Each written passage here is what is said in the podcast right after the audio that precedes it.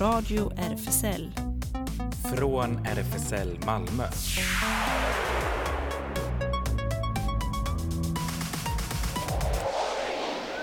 Välkommen till Radio RFSL, Riksförbundet för homosexuella, bisexuella, transpersoner, kveras och intersexpersoners rättigheter. Jonas heter jag, titta på Ellen som sitter i tekniken. Ja, här sitter jag. Och här sitter jag, Claes, vid den andra micken i studion. Precis. Mm. Eh, den andra micken här, eller den tredje. fjärde, tredje i studion och den fjärde i liksom, eh, generellt sett, är just nu tom. Eh, av en anledning.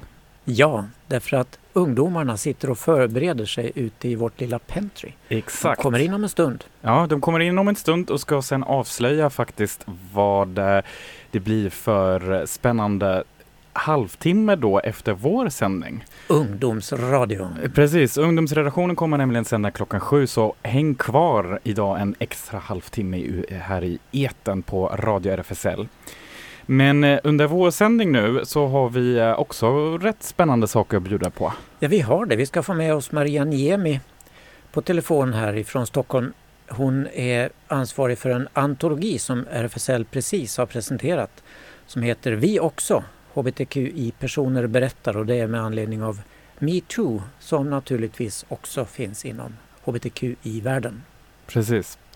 Eh, sen har vi faktiskt bjudit, det var ju väldigt, väldigt mycket höstväder och idag var jag ute och eh, tänkte vad, är det här för konstig lampa där uppe? Men det var solen. Som värmer plötsligt Ja, exakt. Mhm. Ehm, men det kändes ändå som att det är tv-serietider igen, eller hur är den? Ja, massor på gång. Eh, vi ska väl berätta om en som har funnits ett tag, tipsa lite. Eh, men är det, är det en ny säsong? Det är Eller? en ny säsong ute Mm. nu, precis. Och jag har börjat kolla på den. Vilken Sex Education. Ah, ja, den är ju så bra. Ja, Mm. du har inte börjat kolla på den tredje? Nej, jag har inte Nej. gjort det. Då får vi ge det lite mer, mer smak bra. sen, senare under sändningen. Mm. Och sen har vi väldigt mycket nyheter och det händer faktiskt. För det är väldigt mycket nu i oktober som Det är på gång. så mycket. Ja. Liksom alla slussar har öppnats nu Yes. när restriktionerna är borta. Ännu bättre när det regnar och så. Ja. Men vi har lite eh, musik såklart också genom programmet och här kommer första låten Esara and the New Batunes eh, med Habibi Ta'al.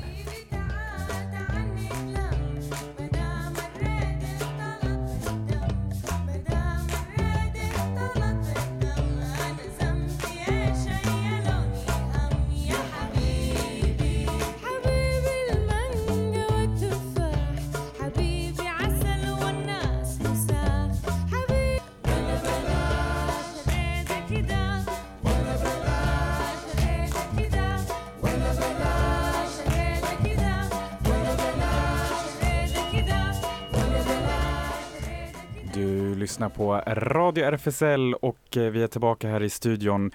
Ehm, och RFSL har ju nu, eller lanserar nu, en antologi, Vi också, hbtqi-personer berättar. Den innehåller några av de historier om sexuella övergrepp och kränkningar som saknades faktiskt under metoo. ja, och ansvarig för den här antologin är Maria Niemi som jag tror vi har med oss nu, eller? Hallå? Ja, precis. Hallå, hej! Kul! Eh, hur kommer det sig att ni gjorde den här antologin? Väldigt bra att ni gör den, har gjort den. Eh, ja, eh, alltså jag tänker att det här behovet har funnits väldigt länge, men har blivit extra tydligt sedan metoo-hösten 2017, då det var en typ av berättelser som kom ut. Och då var det många hbtq-personer som hörde av sig till RFSL och jag tänkte själv också eh, efter metoo-hösten att de här eh, avberättelser från hbtq-personer saknas. Eh, och att det fanns ja, men redan då en önskan om att man skulle börja prata om det mer. Eh, sen har ju åren gått sedan dess och ingen har ju riktigt lyft det. Eh, och då eh, när RFSL kontaktade mig och frågade om jag ville vara redaktör för den här antologin så kände jag äntligen, det, det är dags nu att vi börjar prata om att liksom, vad ska man säga, bilden av sexuella övergrepp är mycket bredare än det som kommer ut Ja, och visst. det som det pratas om. Ja, det har vi ju alla tänkt och sen undrat Mm. var, var blev alla vi av? Hur, Ja, men, ja, men exakt. hur fick ni kontakt med de som är med i antologin? Eh, vi la ut en, eh, liksom, ja, ska man säga, ett formulär på webben som personer kunde eh, kontakta oss på att skriva sina berättelser eller be om att bli intervjuade. Eh, och sen så har jag också kontaktat några som jag har känt till sedan tidigare, eh, som jag vet har historier att berätta och så. Så att eh, på så sätt så har det kommit in ett gäng berättelser. Eh, det är ungefär 18 personer som delar sina berättelser i boken. Och hur känns det? Alltså, kan, eh, du- kan, kan du kanske för de som inte eh, känner till själva antologin än och eh, ser fram emot att läsa den, men kan du ge ett ungefärligt intryck? Liksom, hur ser det ut för delningen liksom, bland de här historierna som ni fått in? Är det, liksom, finns det någon tydlig könsfördelning eller eh, liksom platser som, eh, alltså, f- för det, det är lite det också att ni skrev så här, ja men det utspelar sig på fritiden, internet, nattklubb. Det är kanske, det är också det som är spännande. Är det liksom, vad är det för Mm. platser och så? Ja, precis. Alltså, om vi börjar med, med platser så tycker jag att det är viktigt att lyfta fram att eh, det här är sånt som sker i hemmet, på fester, på Mm. klubbar, eh, på jobbet, i organisationer och så. Till skillnad från kanske den här klassiska eh, över, eller vad heter?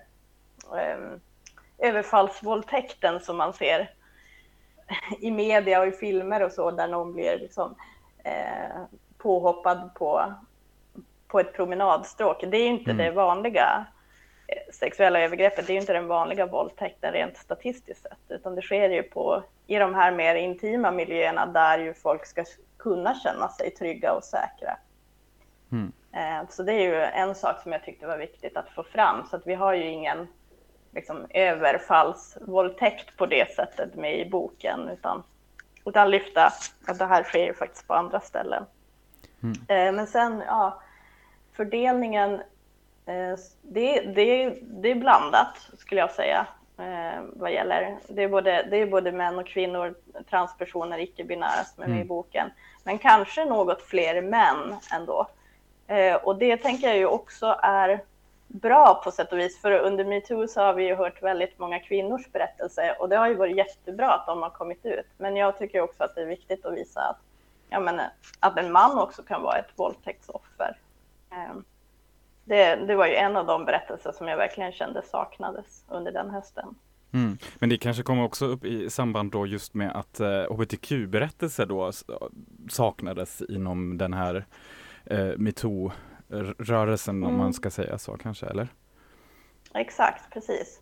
Och jag tänker att det är problematiskt att den bilden blir så smal för att eh, det som framkommer i de här berättelserna är ju till exempel att på grund av att det finns en sån, vad ska jag säga, mallad version av vad en våldtäkt är så har det varit svårt för många att förstå att de faktiskt har blivit utsatta för brott. Mm. Alltså att det har kunnat ta flera år att liksom komma till den insikten. Eh, och sen också så kan det vara svårt att söka hjälp och stöd eller gå till polisen om själva förövaren inte heller stämmer överens med den här stereotypa förövaren. Eh, det finns ju till och med de som berättar i boken att de har kunnat få reaktionen att jaha, kan en kvinna våldta? Eh, och det, har man blivit utsatt för ett övergrepp av en kvinna så om man får den reaktionen då känner man ju verkligen inte sig trygg att gå vidare med den, Mm. med det fallet. Nej, och sen kanske eh, folk i allmänhet tänker att äsch, bögar, om de våldtar varandra blir ju inga barn så det är väl inte någon fara med det. Eller? Ja, jo, men det finns väldigt många jag ska säga, förminskanden av hbtqi-personers upplevelser. Generellt sett skulle jag säga. Vi ser den här stora affären som rullades upp igår i Frankrike med jag vet inte, hundratusentals sexuella övergrepp inom kyrkan. Ja, det, precis. ja, ja. Mm. Nej men eh, sen är det ju också så att du i boken medverkar också poliser och kuratorer som är specialiserade på sexualbrott eh, för att berätta om den hjälp och det stöd som finns för de som har blivit Mm. utsatt. Hur, eh, på vilket sätt medverkar de i boken? Precis. Ja, men de berättar lite vad de har både sett och mött. Eh, men också såklart vad, ja, men vad det finns för stöd att få. Jag tänker på polisen berättar ju också vilka rättigheter man har som brottsoffer. Och eh, där tänker jag att jag själv, jag trodde att jag, jag trodde att jag visste ändå ganska mycket, men jag blev själv rätt överraskad över hur mycket stöd man faktiskt kan få, som jag tror att många inte känner till. Nej, och det kan ju också Eh. kanske vara en beröringsskräck man har med, med, med antingen kuratorer eller poliser just också. Mm, ja, definitivt. Det finns ju, det är många i boken som beskriver det som en tröskel man behöver ta sig över, för att det kan ju vara nog så jobbigt att berätta om att man har varit med om ett sexuellt övergrepp. Men om man dessutom när man kommer till vården eller när man kommer till polisen känner att man måste behöva förklara vem man är och vad det innebär eh, att vara det och liksom, ja, men behöva Mm. dra någon sorts hbtqi-kunskapslektion innan man ens kommer till övergreppet, då, då orkar man ju inte. Nej. Det är, liksom, det är tungt nog att prata om det. Ni fick in ett antal eh, svar och berättelser här. Har ni fler berättelser över som kan bli en fortsättning på något sätt, antologi 2? Ja, det var en bra fråga. eh, Rakt in i din planering så att säga. Ja, precis. Jag känner ju i och för sig att jag skulle behöva vila nu. Vilket det tar. Eh, jo, nej, men jag hoppas ju verkligen att det kommer fler berättelser och att eh, alltså, oavsett om det blir en bok eller inte så hoppas jag att fler vågar börja prata om de här ämnena och att det blir ett större samtal eh, inom vårt community. Definitivt hoppas jag på det, men också i övriga samhället. Att, ja, men att det finns en att vi behöver bredda den här bilden helt enkelt. Mm. Ehm, ja, jo, jag skulle nog säga också att det har kommit berättelser också nu i efterhand. Alltså båda av de som medverkar har ju, alltså tyvärr flera har ju fler berättelser att berätta också. Eh, än de som finns med i boken. Och sen att det skulle kanske behöva bli, ja men man skulle vilja skriva någon sorts fortsättning på eh, vad ska man säga, ja men vad, vad är nästa steg liksom? Eh, för i den här boken är det ju framförallt berättelser kring ja, men vad som har hänt och hur man kan söka stöd och hjälp. Men jag tänker också att vi skulle behöva börja prata om så här, okej, men hur gör vi för att skapa eh, metoder för att både förebygga att det händer, men också så här, vad gör vi när det händer? Mm. Vad gör vi när det händer i, i vårt community till exempel? Ja, nej, men det fick mig Ja, det- Det, det fick mig också genast att tänka på den här paneldiskussionen som fanns här under Malmö Pride som var, handlade om våld i nära relationer av RFSL Mm. rådgivningen och eh, det tänkte jag genast på nu när du sa det att det kanske blir också att man på något sätt liksom behöver skapa ett forum sen, liksom ett samtalsforum för att överhuvudtaget börja prata om det och sen liksom kanske ta fram liksom metoder, strategier eller så liksom. Men det verkar verkligen vara ett fortfarande ganska eh, tyst ämne på något sätt. Mm, ja, exakt. Mm. Jo, men det finns ju en tystnad, men det är ju också för att den här världen är så liten, tänker jag. Att det är också därför de flesta i boken är ju anonyma och det är för att även om vi inte skulle såklart namnge några förövare eller så i boken eh, så är de ju rädda att man ska kunna räkna ut vem det är. Mm. Eh, vet man vem offret är så kanske man kan räkna ut vem förövaren är också just för att världen är så liten. Så jag förstår ju den tystnaden som finns men eh, ja, det hjälper ju inte. Det var en kille som trädde fram i QX senaste numret här och, eller på nätet och berättar sin historia. Mm. Det finns väl fler sådana men man kanske får ta till sig en del av de strategier som har kommit ut av metoo-rörelsen. Hur, Mm. hur man säger nej och det här att sätta gränser och sånt där. Mm. Och det brukar vi Precis. queera ändå vara bra på, att a- utveckla nya strategier. Ja, exakt, för att vi har mycket att handskas med ja. redan. Ehm, men eh, Maria, det, antologin finns ute på RFSL. Eh, vi kommer lägga, Ja. länka ut också till den. Vi också, hbtqi-personer berättar. Och Mm. ehm, nu kommer det bli lite musik. Så, Du valde The Ark. ja, var, varför Ja. valde du The Ark om man får fråga? Ja, alltså, dels gillar jag The Ark. Eh, Ola Salo har ju alltid varit en eh, bisexuell ikon för mig, eh, som är bisexuell själv. Men också sen låten Let the body decide tycker jag är en sån bra riktlinje för hur man, hur man ska tänka. Man ska låta sin egen kropp bestämma vad man, vad man vill vara med på och inte. Så sant. Fin övergång. Tack, Tack. så jättemycket Maria. Tack så Ja, mycket. tack. Hej då. Hej då. Hej.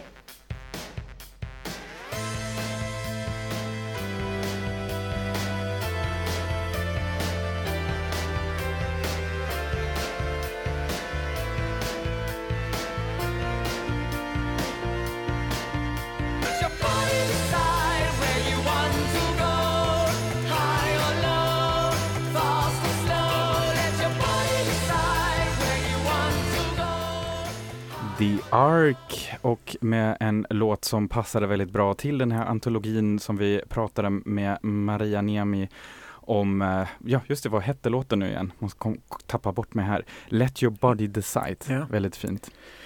Jättebra.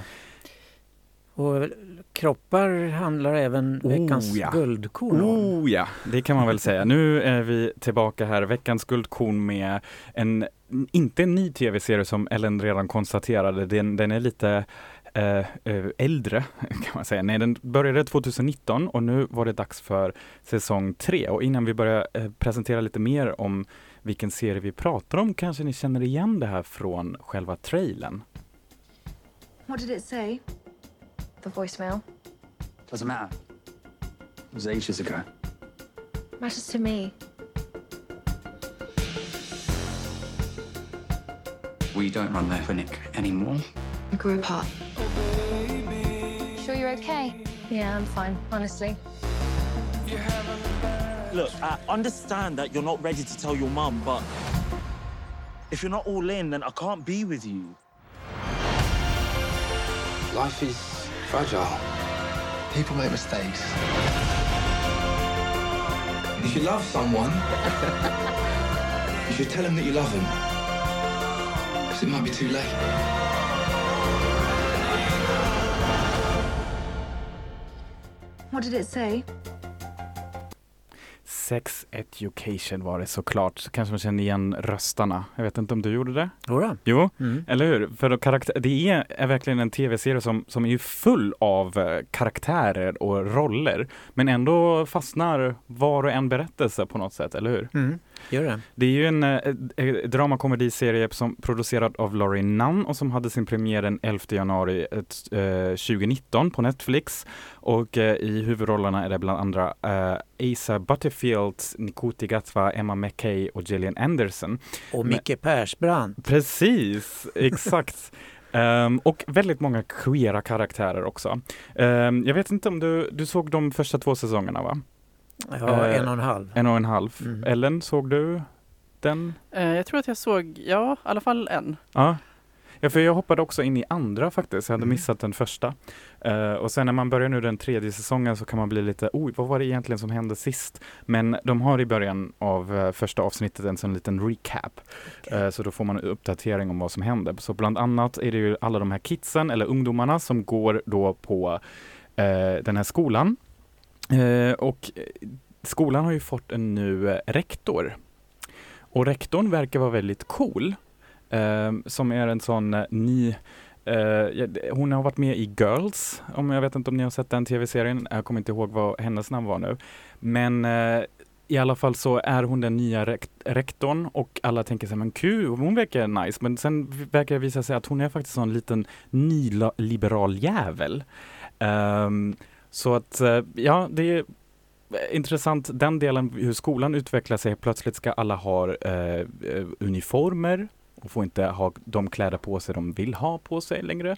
Och sen är det helt plötsligt så att de delar in en, har en sån linje så alla ska gå antingen till vänster eller sen till höger i, alltså blir så här bil, filriktning liksom i korridorerna och så. Massa sådana här konstiga grejer. Det börjar bli lite fascistiskt där på skolan helt enkelt. Ehm, och sen såklart alla de här love stories och jätte, jättemycket sex och jättemånga frågor som kommer upp. Och framför allt såg jag fram emot den här säsongen för att en ny skådis är också med här eh, som är annars känd som artist, som musiker, som vi har lyssnat på här på radion också, Dua Saleh. Och eh, det är eh, karaktären i den här serien som är då icke-binär. Och det ställer ju rektorn framför lite utmaningar när eh, personen inte vill ta på sig just tjejuniformen då och blir uppmanad att nej men den här kan du inte ha på, den här killuniform kan du inte ha på dig. Så det var väldigt, väldigt intressant och ehm, jag har kommit nu fram till fjärde avsnittet. Så Ja. att, ehm, Och jag vet inte hur långt Otis har kommit i sin utveckling. I första säsongen var han ju fruktansvärt hämmad sexuellt själv. Men Mm. hans mamma som är sexualterapeut exakt. fick honom att, eh, ja det fick honom att börja ge sexu- sexualråd till Ja, skolkamraterna. Ja, det låter ju ganska typiskt på något sätt att de, till skillnad från andra ungdomar vars förälder inte råkar vara sexual, eh, sexolog eller eh, sexualterapeut, liksom, att, eh, att han kanske är mer hämmad just därför. Just det, Just det. just det. Så mamman uppmanade honom att ja, men, gå ut och träffa någon eller onanera eller gör någonting. Då. Och det kan jag definitivt avslöja nu, det har ju verkligen ändrats Aha, nu med okej. Otis. Ja, för om ni kommer ihåg eh, upptrappningen där i andra säsongen eh, i slutet så eh, blev han ju där med ihop, eller hade lite sexuellt äventyr med eh, den mest populära tjejen i skolan som ju verkar vara väldigt dryg. Så den utvecklingen får man också följa nu, Okej. en tredje säsong. Men vi ska inte avslöja för mycket, ska Nej. inte spoila. Så jag tycker att vi lämnar över nu till Doa Saleh och eh, en låt här tillsammans med Amare Fit.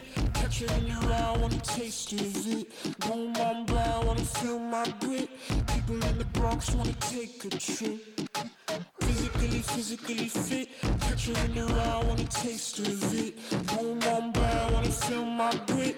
People in the we can go get it. Okay, hold on. Let me slide one last time. Go flash, go blast, and we in this but this love don't last. Passion is.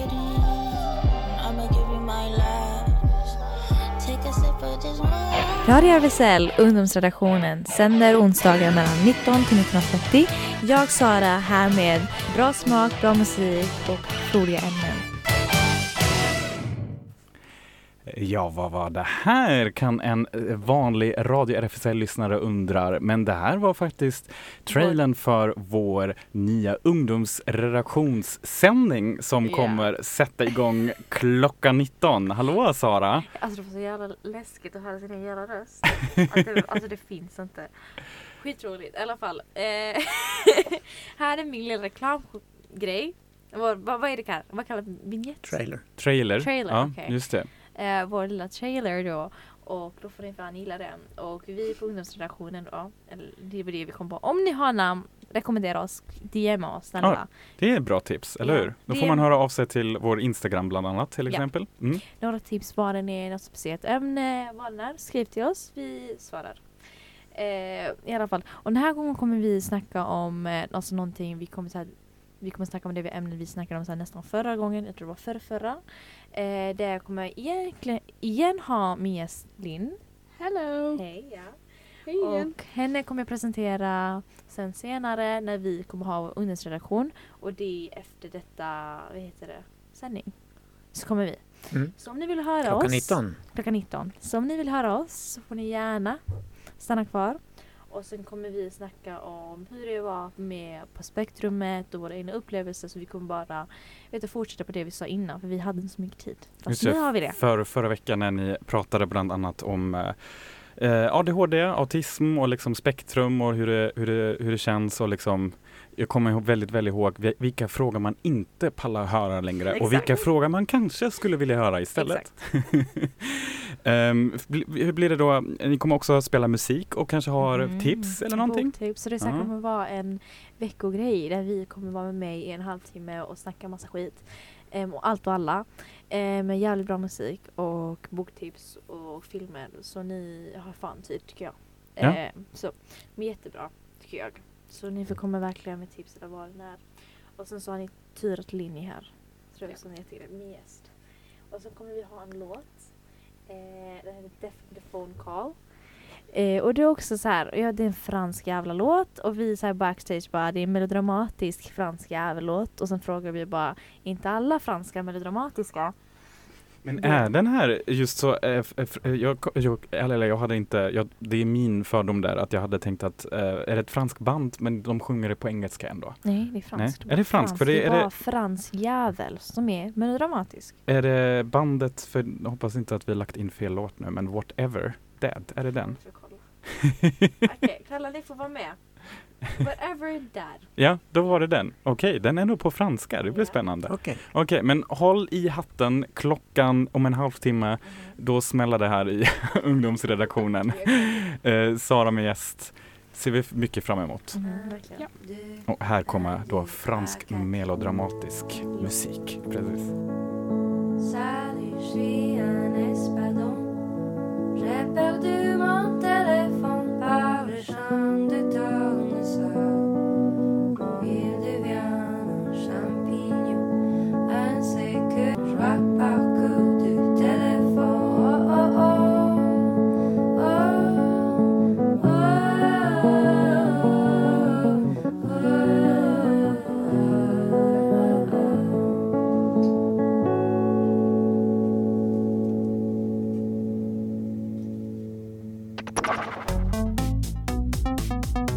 Radio RFSL Nyheter.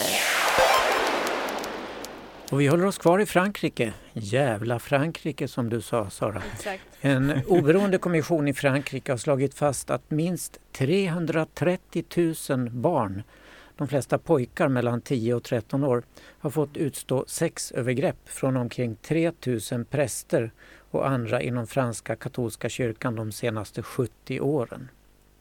Det vänder sig i magen, skriver ledarskribenten Jesper Salin i Sydsvenskan, chockad över det enorma antalet. Är det en, att det ens är möjligt att begå så många övergrepp på några decennier, fortsätter han.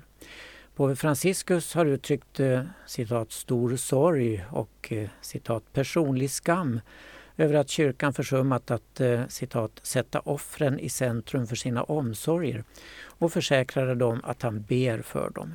Han uppmanade också kyrkans ledare i Frankrike att arbeta för att liknande tragedier inte upprepas enligt Vatikanens nyhetssajt. För vilken gång i ordningen? Det är talande att påven uttrycker sorg och skam men varken chock eller förvåning. Han utlyste ju nolltolerans mot sexövergrepp i kyrkan redan 2017. Kanske förstår han någonstans att hans kyrka i många avseenden utgjort en närmast perfekt storm av omständigheter som samverkar för att denna ändlösa ström av övergrepp ska kunna flöda. En osund religiös fixering vid sexuallivet som eh, något som ska undertryckas. Det omänskliga celibatet. Den förment storsinta förlåtelsen som har utsträckts till förövarna.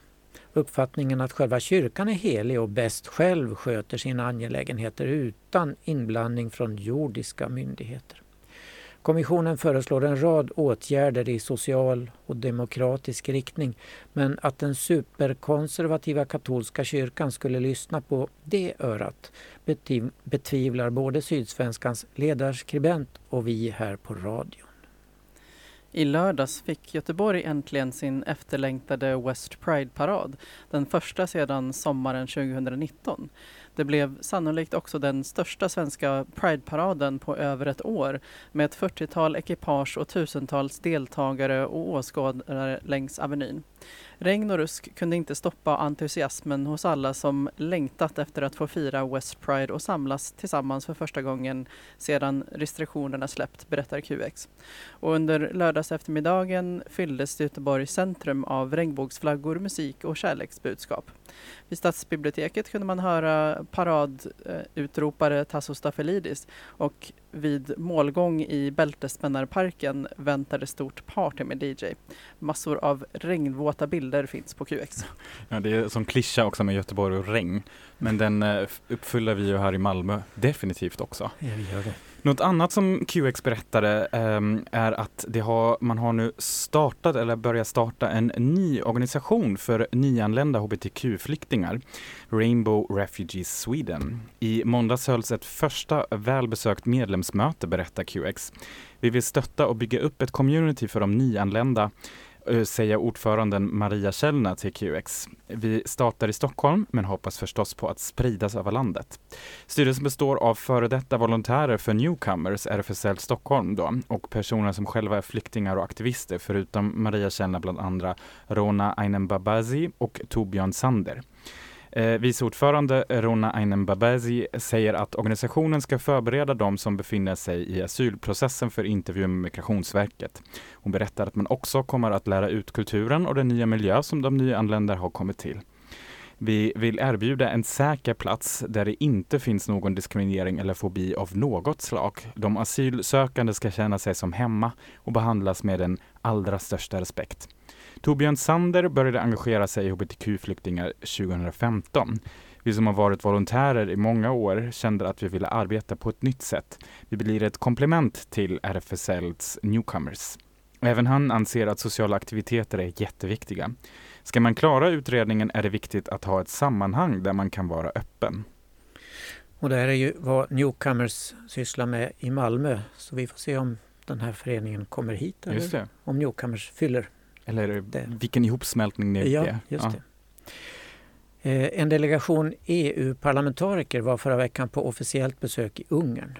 I landets statsstyrda medier utmålades gruppen som migrant och hbtq-aktivister och anklagades för att blanda sig i det kommande ungerska valet i april nästa år. På den officiella resan deltog sju ledamöter från det utskott i Europaparlamentet som bland annat har hand om medborgerliga fri och rättigheter. Politiskt spänner gruppen från franska Marine Le Pens parti Nationell Samling till svenska Vänsterpartiets Malin Björk. Det är obehagligt att vi blivit beskrivna i urbanska medier med namn och bild hur jävliga vi är och att det hela är en konspiration från vänster, säger Malin Björk till DN. Jag hängs ut som feminist och lesbisk. Malin Björk lever i en regnbågsfamilj kan vi flika in. Syftet med resan var att kartlägga hur situationen i Ungern när det gäller pressfrihet är, minoriteters rättigheter med mera.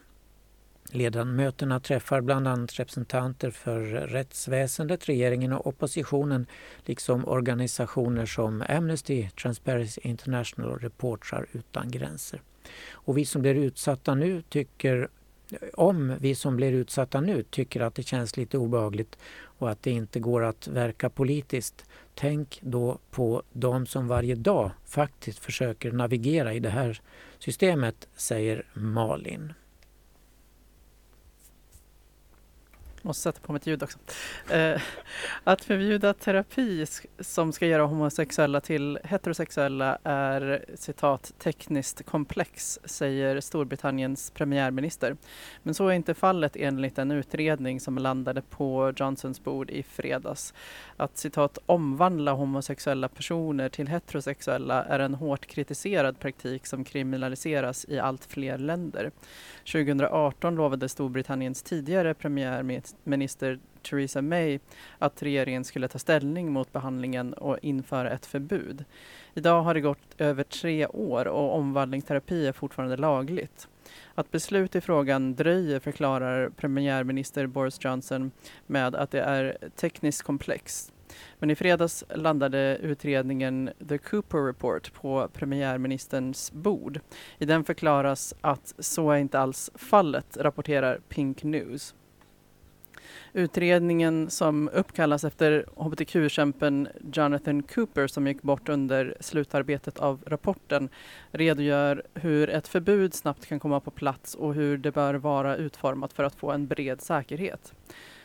Dessa åtgärder skulle kunna skydda de personer som är direkt sårbara för omvandlingsterapi samtidigt som den tydligt säger till förövarna att den här vidriga praktiken inte kommer att tolereras i ett civiliserat samhälle, skriver Helena Kennedy, styrelseordförande för International Bar Association Human Rights Institute.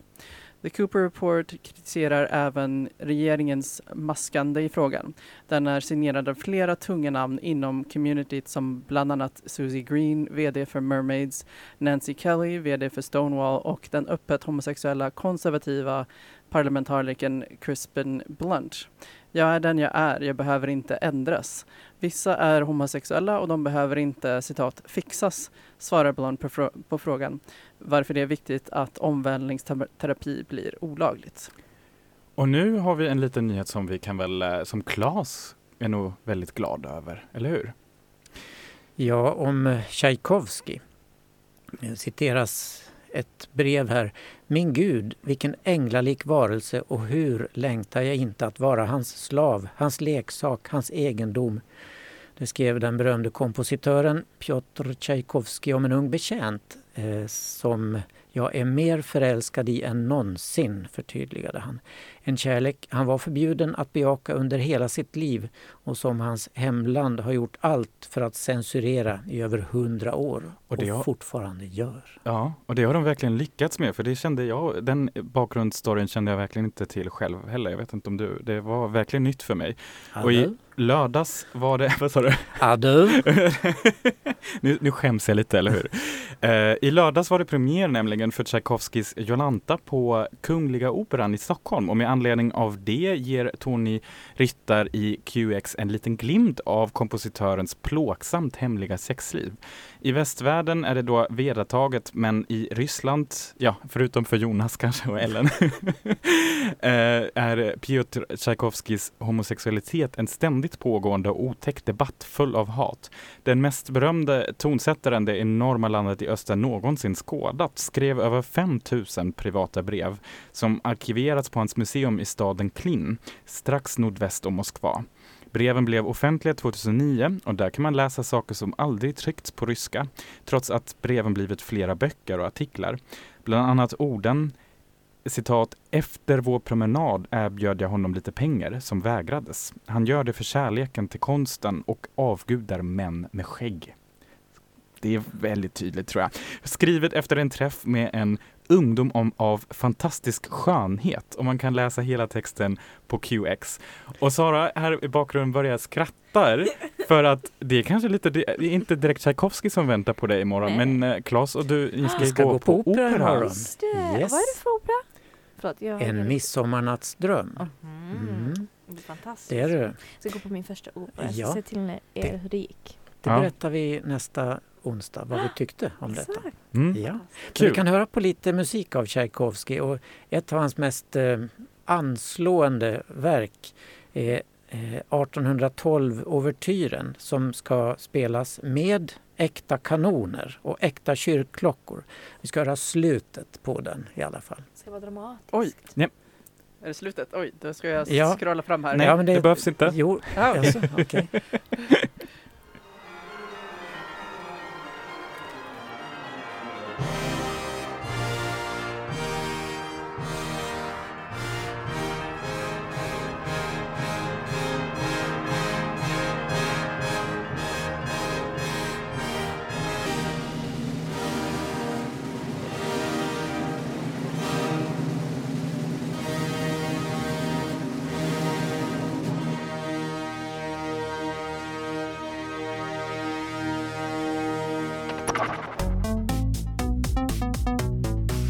Radio RFSL.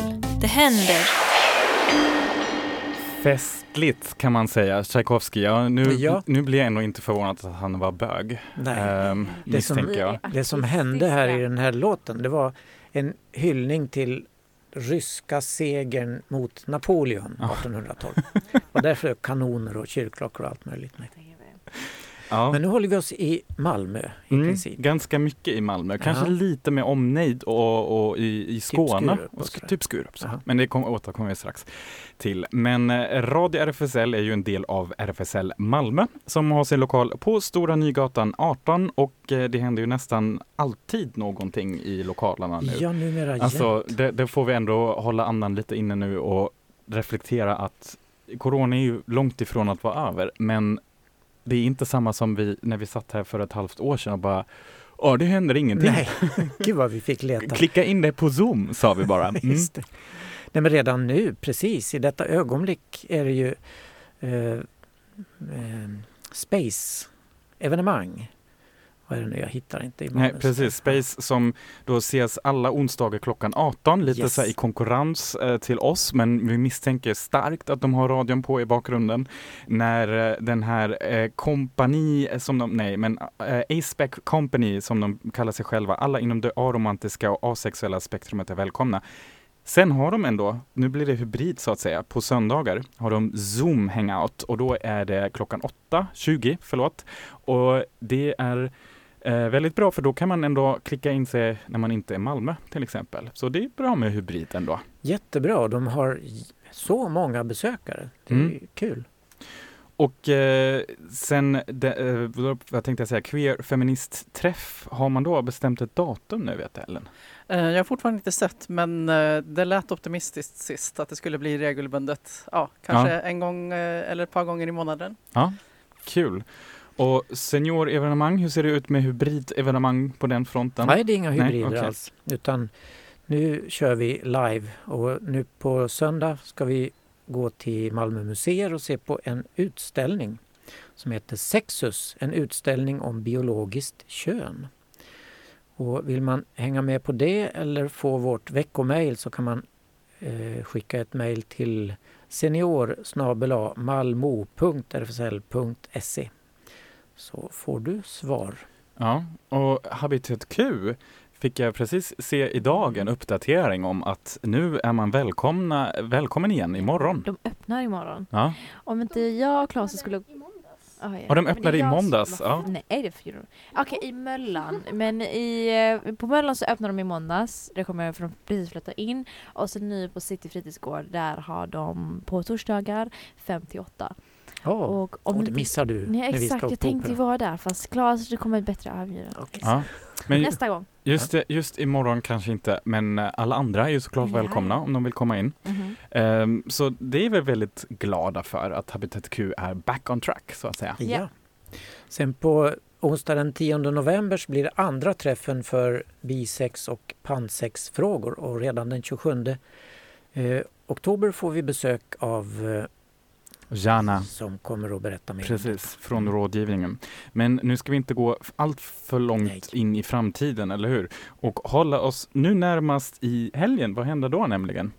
Eller ja, nästan the precursor till helgen, torsdag. Ja, just det, på? upptrappningen imorgon. Upptrappningen, ja precis. Eh, imorgon är det då film så att eh, medans eh, Claes och Sara är på Operan så eh, kommer jag se Rebel Dyke som är en dokumentär på Panora. Eh, doku dokumentär med samtal från eh, klockan 20 så att om man inte har eh, haffat en biljett än så rekommenderas det. Mm.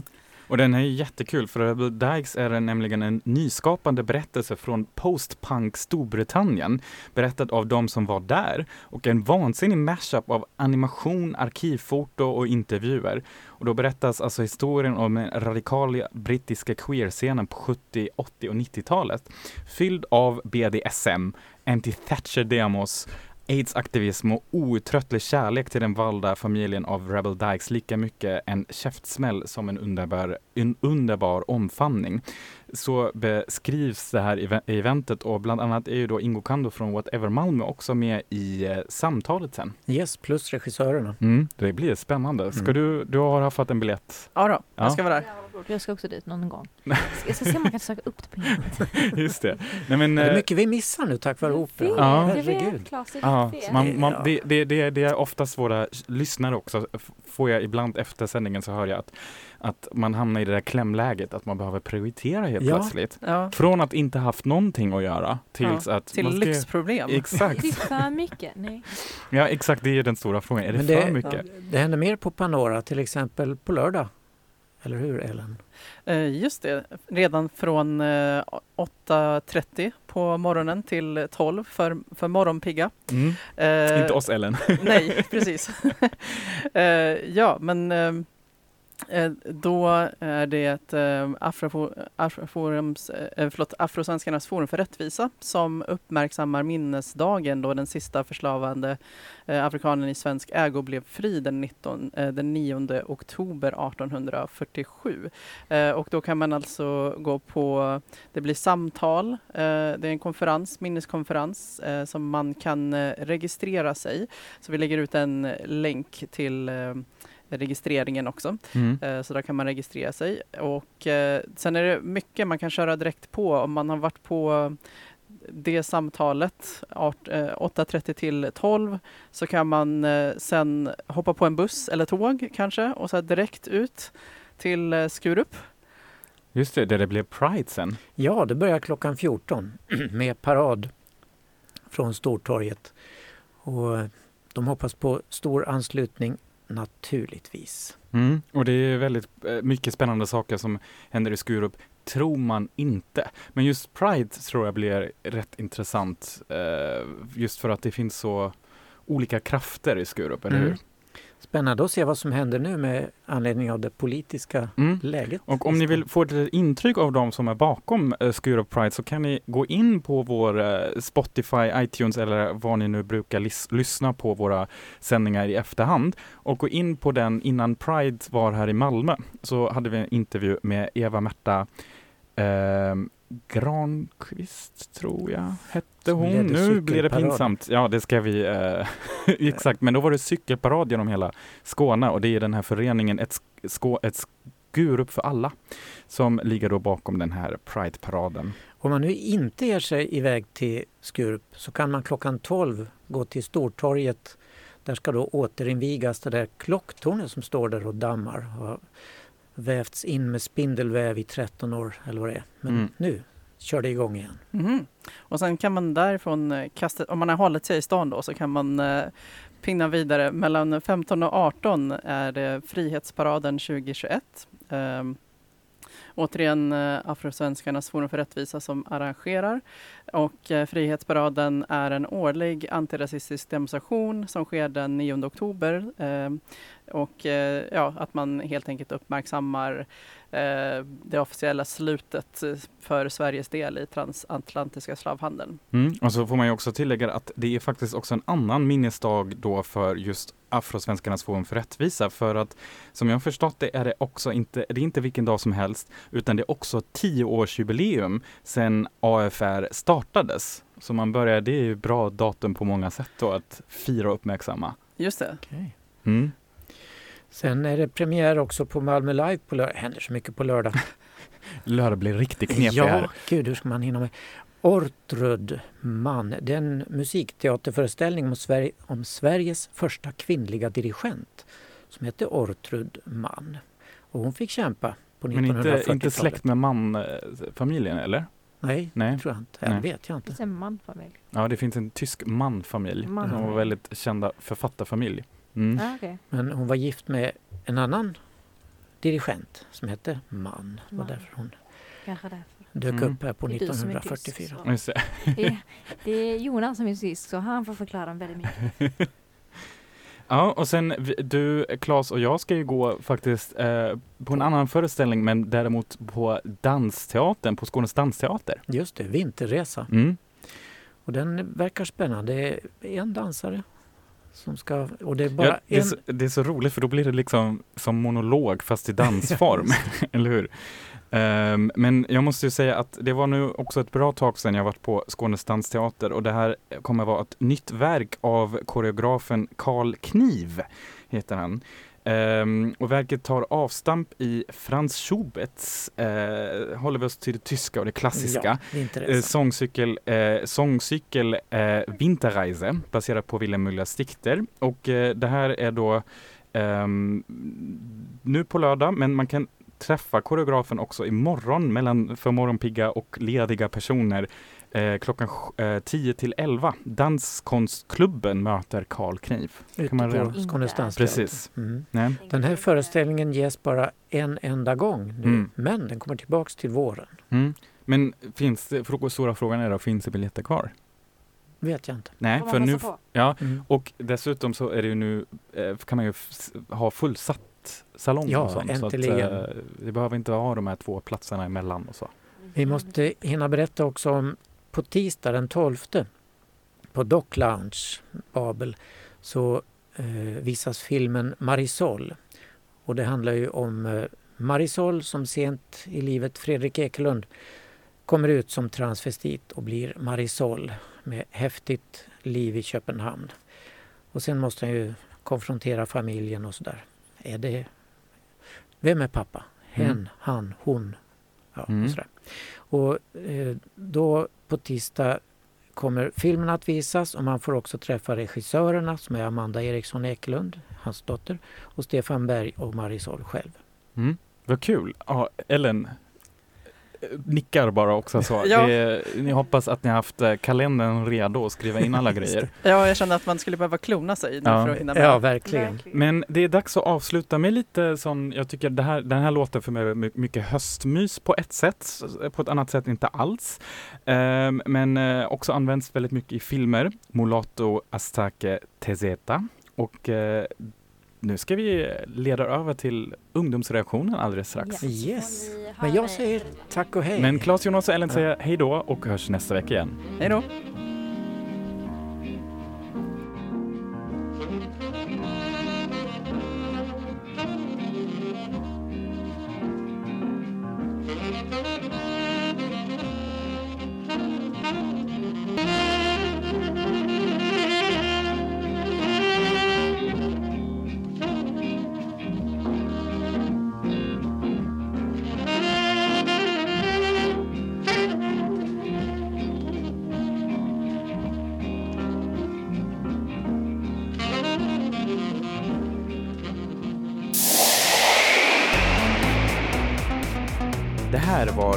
Radio RFSL.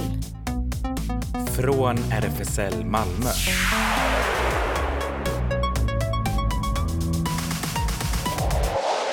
Kolla in Radio RFSL på Instagram och Facebook för mer information. Radio RFSL, ungdomsredaktionen, sänder onsdagar mellan 19 till 19.30. Jag, Sara, här med bra smak, bra musik och roliga ämnen.